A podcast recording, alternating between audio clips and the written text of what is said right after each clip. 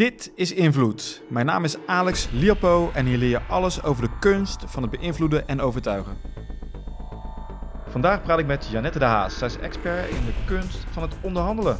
Nou, via haar onderneming www.onderhandelcoach.com helpt ze zelfstandig professionals en ondernemers om beter te onderhandelen, zodat ze meer verdienen en stevig hun belangen kunnen verdedigen. Janette, welkom in de uitzending. Dankjewel, leuk. Uh, wie komen er allemaal bij jou? De doelgroep die ik uh, op mijn website beschrijf, die komt ook bij mij.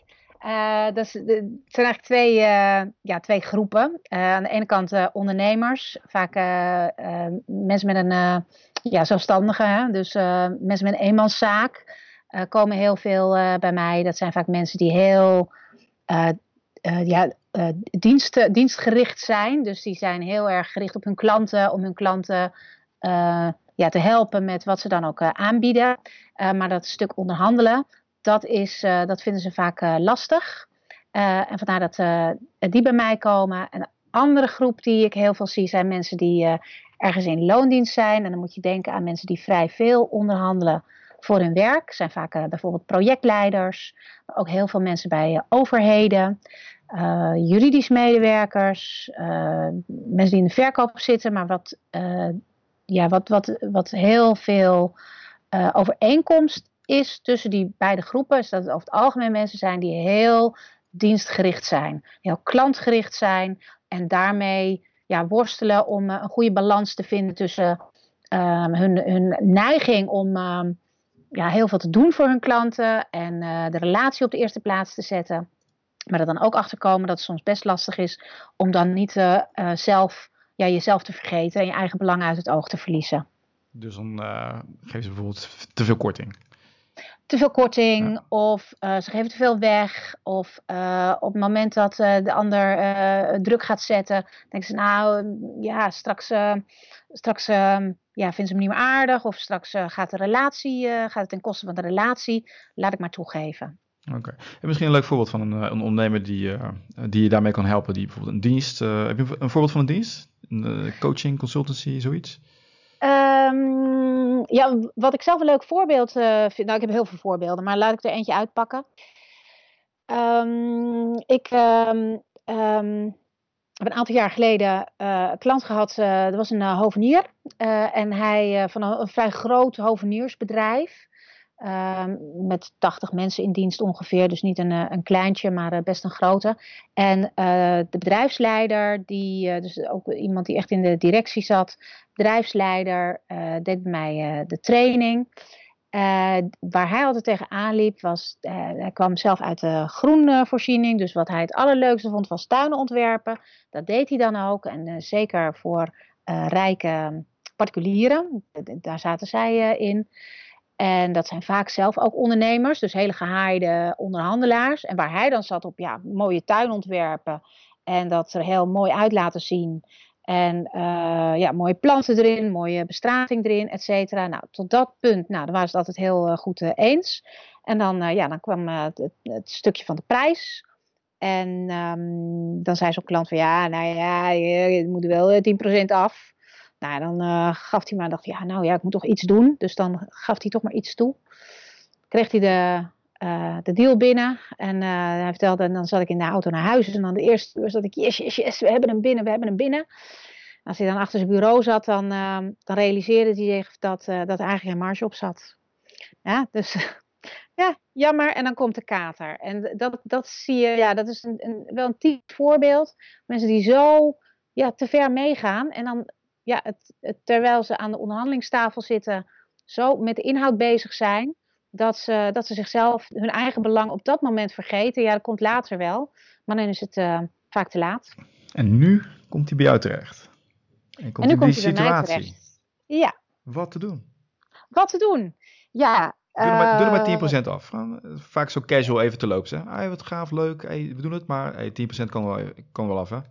Kan ik, wel ik ben het ja, ik ben het. Ehm, nou, wat, wat, uh, wat ik dan uh, um, mensen aanraad, is ofwel zoeken naar een uh, manier om binnen dat budget van 10% eraf te blijven, maar dan ook iets weg te halen. Dus in het geval van de hovenier, bijvoorbeeld, ja, hoe oud zijn de bomen die je in een, in die nieuwe tuin zet? Wat is de kwaliteit van de bestrating? Nou, dan zet je wat, als je niet kan betalen, zet je wat kleinere planten erin. Doen we een paar wat, wat jongere boompjes. En dan kun je toch keurig binnen je budget blijven.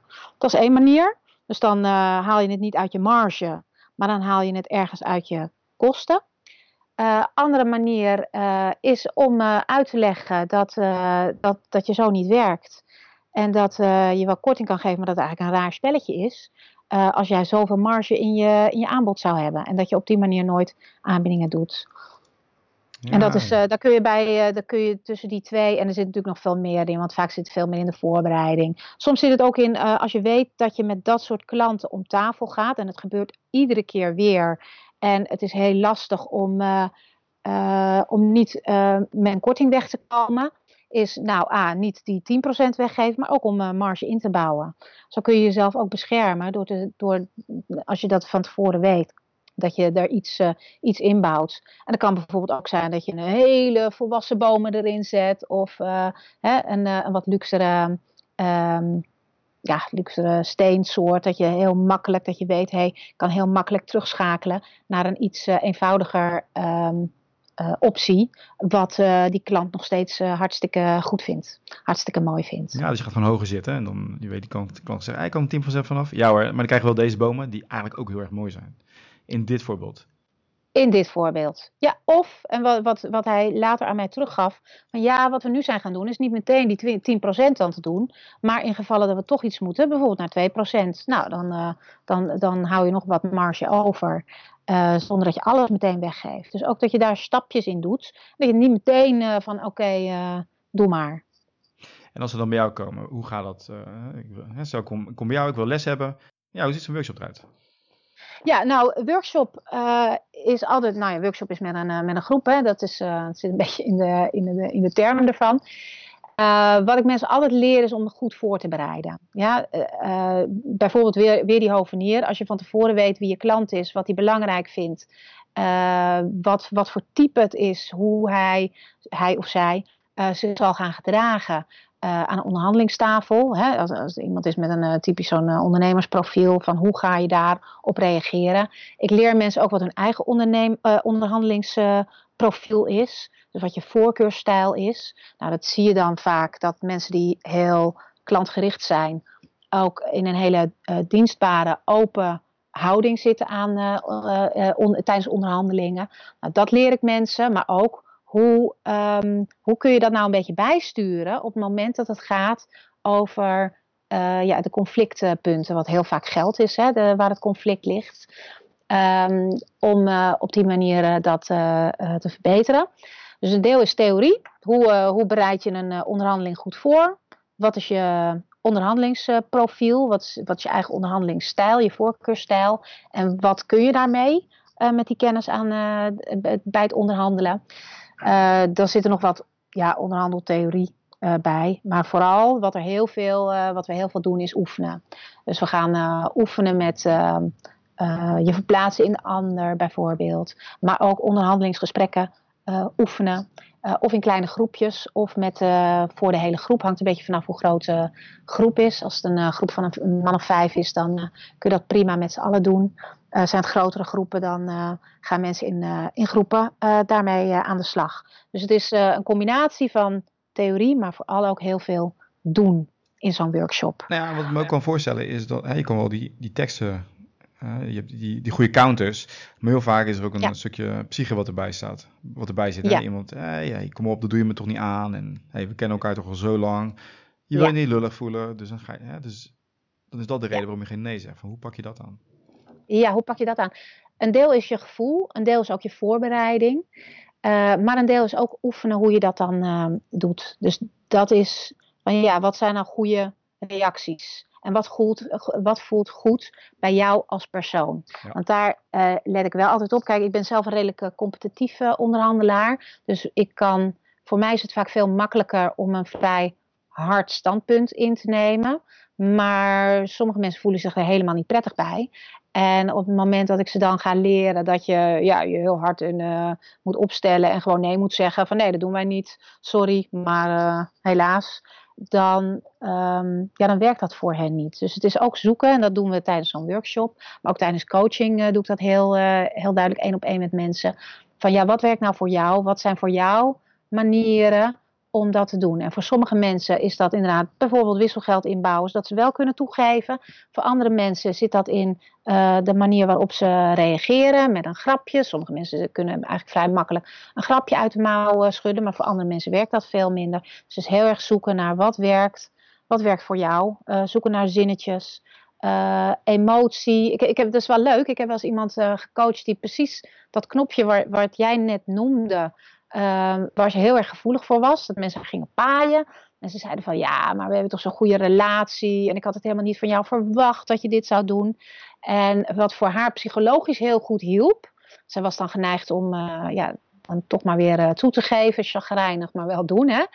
Uh, van ja, um, als je een spelletje speelt. Dus speel je veel spel, ja, bordspelletjes met gezin en zo. Nou ja, als je dan een bordspel doet. geef je het dan ook allemaal weg aan je aan je gezin. Nou, nee, uh, ze, nee, natuurlijk niet. Daar uh, zitten we voor uh, om het spelletje te winnen. Nou, stel je dan voor dat je op dat moment zo'n spel aan het spelen bent. Nou, voor haar werkte dat heel erg goed. Dus het zijn dat soort dingen waar ik dan met mensen naar op zoek ga. Maar dat kan heel ja, persoonlijk zijn. Ja. Wat werkt en wat niet werkt. Gewoon reframen, hoe je, erover, hoe je over de situatie denkt. Hoe je over de situatie denkt, reframen. Ja, en dat kan dan op dat moment, uh, ja, voor haar maakt het het verschil. Daarmee uh, kon ze het uh, vrij snel te pakken krijgen. Dus dat is heel mooi. Heel leuk. Ik zie nog op je site staan hè, over prijsonderhandelingen. En er zijn heel veel ja. ondernemers die ook luisteren. Freelancer, ja. hoe die moet onderhandelen over zijn uurtarief. Heb je daar een paar leuke tips voor? Um, ja, er zijn heel veel. Ja, ja over uurtarieven. Uh, nou, één leuke tip die ik, uh, die ik laatst zelf uh, tegenkwam is. Um, maak geen ronde getallen van je uurtarief. Dus je bent soms geneigd om te denken: nou ja, ik maak er 60 of 80 of 100 van. Mooi rond getal. Um, psychologisch werken die ronde getallen bij degene die jou gaat inhuren als een als een soort van, nou ja, daar kan nog wel wat af. Ja, omdat dat zo'n ja, artificieel-achtig uh, bedrag uh, lijkt. Ja. Op het moment dat je bijvoorbeeld zegt, nou het is geen 80 euro, maar het is uh, 83,50 euro, dan lijkt dat veel specifieker en heb je minder kans dat er over onderhandeld wordt. Dus, lijkt kleine... meer over nagedacht. Er lijkt meer over nagedacht. Terwijl ja, het is ook maar een uh, dwarsstraat hè, die je die op dat moment noemt. Dus uh, dat, dat werkt psychologisch. Nou, ook weer met uurtarieven. Kijk heel erg naar de situatie. Wat voor soort markt zit je? Uh, wordt er altijd onderhandeld over tarieven of niet?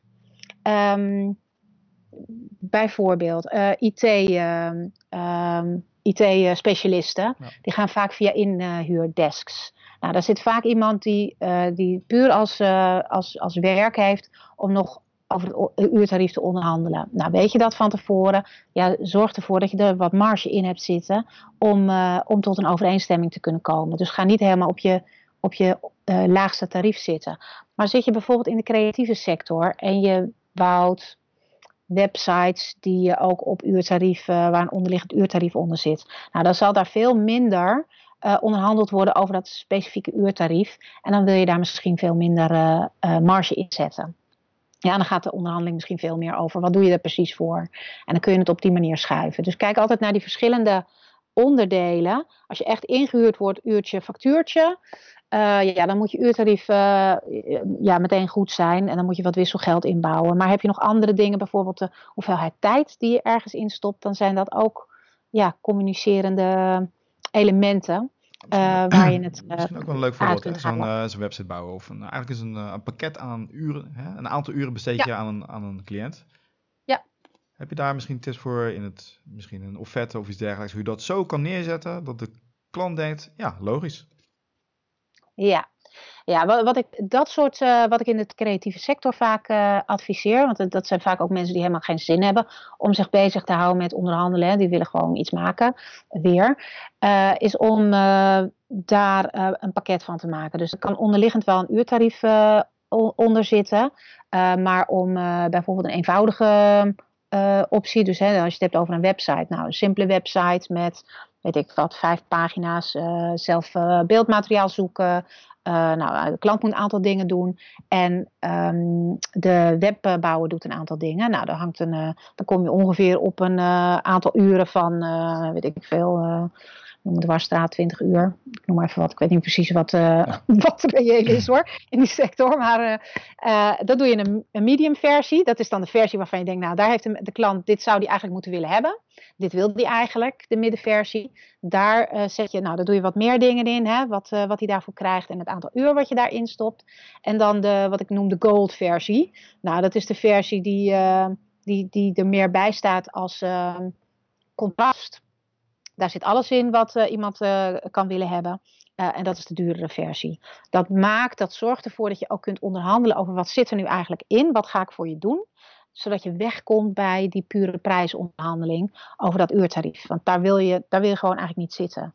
En op het moment dat je dat op die manier opbouwt, dat je die middencategorie, je ziet ook heel vaak op websites hè, dat op die manier is opgebouwd. Op het moment dat je het op die manier ehm, aanbiedt, is de kans heel groot dat jouw klant gewoon voor de, voor de middenversie gaat waarvan jij al gedacht had, naar aanleiding van het gesprek, want dat is natuurlijk wel uh, wat je gehad moet hebben, dat dat is wat hij eigenlijk wil. En dan kan je op het moment dat hij zegt, maar ik vind het veel te duur, zeg nou, je kan je ook voor de basisversie gaan. Nou, dat wil hij eigenlijk niet, weet je al van tevoren, maar het onderhandelt wel een stuk uh, ja, je, je, je, je, je, niet, uh, voorkomt van tevoren al eigenlijk. Ja. Je voorkomt het van tevoren. Ik ben heel ja. benieuwd naar die kunstenaar, hè? die staat ook op je website, die het schilderij te duur vindt. Je kan niet een minder mooie schilderij gaan maken. Ja, misschien van tevoren, maar als je het al gemaakt hebt bijvoorbeeld. Ja. Hebben we daar nog uh, leuke dingen voor? Ja, um, en dan hebben we de situatie, het schilderij. Is er al. Het, het, is er al, het moet verkocht worden. Ja. Um, een deel is uh, de goede doelgroep. Um, ga je naar een doelgroep toe die eigenlijk weinig te besteden heeft, ja, dan vinden ze het snel te, door, te duur. Ja. Dan, ja, dan, dan, ja, mensen moeten wel het geld hebben. Uh, dus dat is ook een deel wel uh, daarvan. Als je het hebt over kunstenaars. Um, ja, en verder is het, uh, als je een kunstwerk hebt met een bepaalde prijs, is het soms ook gewoon durven een nee accepteren. Dan zeg je, dit is de, dit is, dit is de, de prijs die ik ervoor vraag. Uh, die, uh, die andere klanten bijvoorbeeld te, te, vertellen dat andere klanten dit ook betaald hebben. Ja, dan, dan ga je een beetje in op uh, social proof. Mensen zijn ook vaak bang als je met kunstwerken, ja, dat je te veel betaalt. Omdat je, omdat je klant heeft geen idee wat een, wat ja. een reële prijs is. Ja, je kunt kunst voor een tientje krijgen, bij wijze van spreken, en voor 10.000 euro. En als je geen verstand hebt als klant zijnde van wat, wat het is, dan uh, vragen mensen ook vaak om korting, om zeker te weten dat de prijs oké okay is. Nou, ja, dan ja. zo'n kunstenaar ja, niet, daar niet aan toegeven. Gezellig praten en uh, hè, dus niet dat het een, een vervelend gesprek wordt, want dan gaat de gunfactor gaat er helemaal aan. Maar ja, vasthouden. Andere klanten hebben dat ook betaald. En uh, dit, is, uh, dit is wat uh, mijn werk waard is. Misschien een schilderij maken wat twee keer zo duur is. ja, om te reframen. Dat kan. Ernaast hangen, ja. Heel onopvallend. Ja, ja. Met het prijskaartje ja, dat Zou ook nog, ja. dat ook nog een mogelijkheid. Ja, precies. Dus een koopje dit. Ja. Hey, een koopje, ja. ja. Hey, je bent zelf ook in de praktijk erg handig in het onderhandelen, want er zit ook jouw achtergrond in. Ja, in het inkopen bij van ja, misschien kan je daar wat meer over vertellen, over hoe jij dat zelf doet. Ja, nou, ik ben, uh, ik, ik, ben naast onderhandelcoach uh, freelance inkoper. Dus ja. ik, uh, ik verhuur mijzelf dus ook aan best wel grote bedrijven voor het inkopen van nou ja, um, ICT-pakketten, contracteren van uitzendbureaus en dergelijke, opleidingen, dat soort zaken. Um, je ik, zit dan, ik zit dan met een hele andere pet op. Mijn rol is als inkoper, uh, ja, wordt vaak ook eh, financieel aangestuurd om ervoor te zorgen ja, dat, dat er een, een marktconform tarief uh, uitkomt voor, nou ja, voor mijn opdrachtgever op dat moment. De manier waarop ik dat doe is, ik, uh, ja, ik vergelijk prijzen. Um, en vaak, als het kan, competitief uitzetten. Dus dan vraag je meerdere offertes op. Uh, je probeert dat uh, te vergelijken op welke ja, gebieden dat afwijkt of niet. En wat, wat je dan de prijs-kwaliteit verhouding daartussen. En op onderdelen, ja, gewoon vragen. Het is vaak, mijn ervaring is, is vragen om ja, wat, je, wat je hebben wil. Hè, prijsstelling waarvan je denkt, nou, dat moet gewoon reëel zijn. Volgens mij kan dat. Ja, het, vragen. Dat is een beetje mijn, mijn persoonlijke ervaring. En dat vinden mensen vaak heel lastig. Om gewoon te vragen om wat, uh, om de, om de prijs die je hebben wilt. En de truc erachter is waarschijnlijk om het te zeggen met zekerheid. Je zei al, je bent competitief ingesteld. Ja. Dus je komt al heel zeker over. En dan is het van, oké. Okay. En als een politieagent die je wat vraagt, dan doet het ook meteen. Ja. En, ja, nou, niet de strenge versie dan, maar meer van hè, met zekerheid, autoriteit, die uitstraling. Uh, ja, en ik, ik, en ik win ook niet alles. Hè? Dus het is, ik ben ook heel erg, zeker als inkoper ben je toch ook wel heel erg op argumenten. Dus op het moment dat de andere kant een uh, ja, goed argument heeft waarom het op een bepaalde manier is, dan uh, hangt het er een beetje vanaf hoe klem je zit, hè? Hoe, hoe je intern aangestuurd wordt. Maar dan kan het soms ook zijn, oké, nou prima, dat, dat het argument is, begrijp ik, maar dan gaat het toch niet door. Ja, nou, ja, de maar, relatie goed voor de lange termijn. Dan, ja, maar dat, is, dat heeft heel erg te maken met hoe je de dingen brengt. En ik ben op zich of iemand uh, die het uh, ook op een prettige manier weet te brengen, wordt mij altijd verteld. Dus ja, dat, uh, relaties de charme, blijven dat charme. Goed. Ja. hoe wapen jij jezelf nou tegen mensen die zeggen bijvoorbeeld van, ja, oh, ik kan bij de ander veel goedkoper krijgen. Ik ben daar en daar geweest, ik heb daar offertes van gehad. Ja. En die het eigenlijk gebruiken als machtsspelletje om een lagere prijs te kunnen bedingen. Hoe zorg je dat je daar niet in trapt? En dan zeggen ze bijvoorbeeld van, uh, oh ja, daar, daar krijg ik voor 100 euro per stuk. Uh, ja. Bij jou voor uh, 150. Ja. Ja, wat ik daar mensen aanraad, en dat, dat maak ik natuurlijk ook mee, want ik doe ook zelf offertes voor mijn trainingen, bijvoorbeeld voor in-companies. En ik weet, dat er zijn mensen die, die bieden dat voor een derde van mijn prijs aan. wat ik zelf doe, ik heb een prijsbeleid, dus ik, ik raad mensen ook altijd aan om echt een prijsbeleid te maken daarvoor. Wat reken je? Soms kan je dat um, uh, uitsplitsen naar bepaalde um, doelgroepen. Hè? Maar uh, maak een prijsbeleid en ja, zeg dan nee. Zeg dan, nou prima, ik begrijp uh, dat u dat elders voor die prijs kunt krijgen. En ja, dan, uh, ik kan daar niet in, uh, in meegaan. Uh, de kwaliteit die ik lever, of nou ja, wat dan ook voor je reden is. Ik lever een andere kwaliteit. ik ik kan daar niet in mee. En dat is, ehm, ja, dat is, dat is eigenlijk de belangrijkste tip is laat je op die manier niet uitspelen. Ja, zak daar niet in mee en wees zeker over je prijs. Weet wat de prijzen doen in de markt. En wat ik mensen ook vaak vertel is als je nooit een offerte verliest omdat je te duur bent dan je waarschijnlijk te goedkoop. Goeie, ja. Ja, dus uh, ga er niet vanuit dat je alles moet winnen. Kijk, win je nooit een offerte omdat je altijd te duur bent, dan moet je wat aan je prijsbeleid doen. Maar um, ja, je kunt ze niet allemaal, je kunt niet altijd het goedkoopste zijn. Tenzij dat je, prijs, uh, je prijsbeleid is en, je, en je, je, je, de manier waarop je je bedrijf hebt ingericht, dat je altijd de goedkoopste bent. En dan zul je dat ook wel ergens, dan moet dat ook ergens in kwaliteit, service of iets dergelijks, moet, dat, uh, ja, moet je dat dan ook uh, terughalen. Of je moet een manier hebben waardoor je allerlei uh, meerkosten kunt, kunt rekenen. Hè? Maar je moet daar een, een systeem op hebben, een beleid op hebben, dat je dan wel je marges kunt maken. Maar een derde, dus hè, wat je net aangaf, van in company, van ja, er zijn ondernemers ja. die doen voor een derde, dat is nogal wat. Ja, dat is, dat is sommige trainers doen dat voor voor een derde van, uh, van de prijs die ik reken voor een in-company. Dus ik weet ook niet waarom ze dat doen. Dus welke, Misschien hebben ze lagere kosten. Misschien. En het grappige is, uh, op het moment dat ik praat met degene die de training gaan volgen, uh, dus, dus de echte gebruikers, meestal, ja, niet altijd, hè, maar in 80% van de gevallen kiezen ze toch voor mij.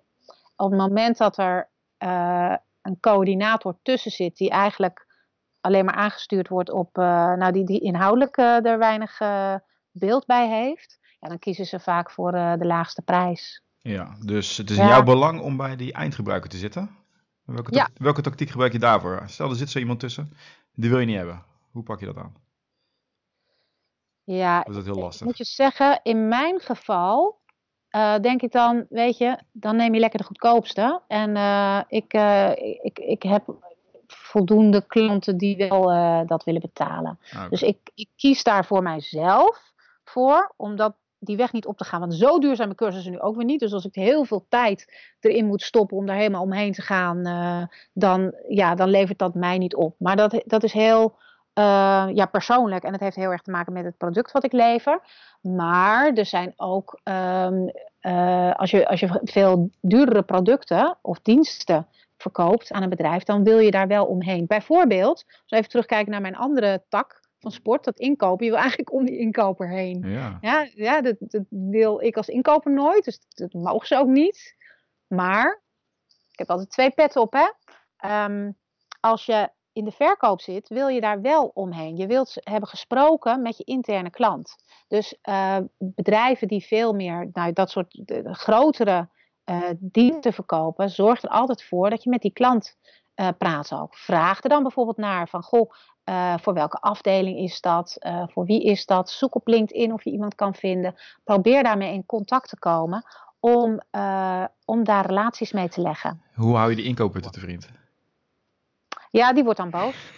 oh, dat... Maar, En jij bent competitief, ja. maar ehm, kijk, uiteindelijk doet het er niet toe, hè? Het is heel lullig. Eh, Daarom zeg ik, ik zit met twee petten op, hè? ja. Eh, maar uiteindelijk is het die interne klant die iets koopt. Die inkoper, het is zo'n tussenpersoon, die heeft nooit, die gebruikt het product niet. Die heeft ook geen last van als het eh, heel goedkoop is ingekocht, maar het is ook niks. Maar die interne klant die heeft dat wel. Degene die daarachter zit. Degene die de gebruiker is van. Ja, Nou, maar hoe, kom, hoe zorg je dan dat je niet in de knoop komt met de interne belangen daar? Van, hé, hey, dat is mijn taak en hoe zit dat? En, Ja, dat is aan, die, eh, dat is aan hen. En dan kun Ja. je altijd eh, sorry zeggen. Oh, sorry. Sorry, nee, dat zal ik niet meer doen. brutale, brutale pet opzetten, gewoon omheen gaan, kijken wie is de eindgebruiker. Ehm, ik kan me voorstellen, gebruik ook wel eens een techniek om ze allebei aan tafel te krijgen. Zoiets. Ja, je zult met beide om tafel moeten. Ja. Maar je moet wel weten.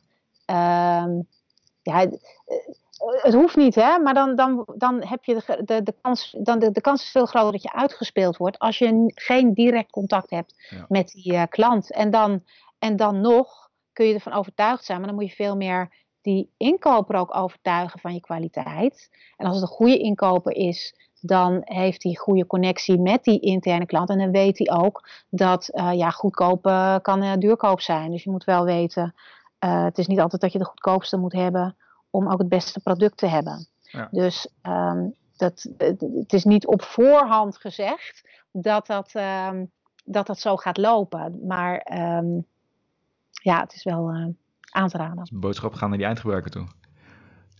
Sowieso. Ja. Ga, probeer naar die eindgebruiker. En vaak is het zo dat op het moment dat, je, dat die inkoper bij jou aanklopt, dan ben je eigenlijk te laat. Ja, dus eh, je moet eigenlijk in een eerder stadium bij die, eh, bij die eh, eindgebruiker zitten. Ah, dat moet je doen. Nou ja, soms weet je het niet. Het hangt een beetje vanaf ja, waar je, in wat voor dingen je zit. In wat voor producten, in wat voor, eh, ja, hoe je gevonden wordt. Nog een laatste vraag over onder- onderhandelen voor rentmeesters. Ja, Ik kan me er niks bij voorstellen.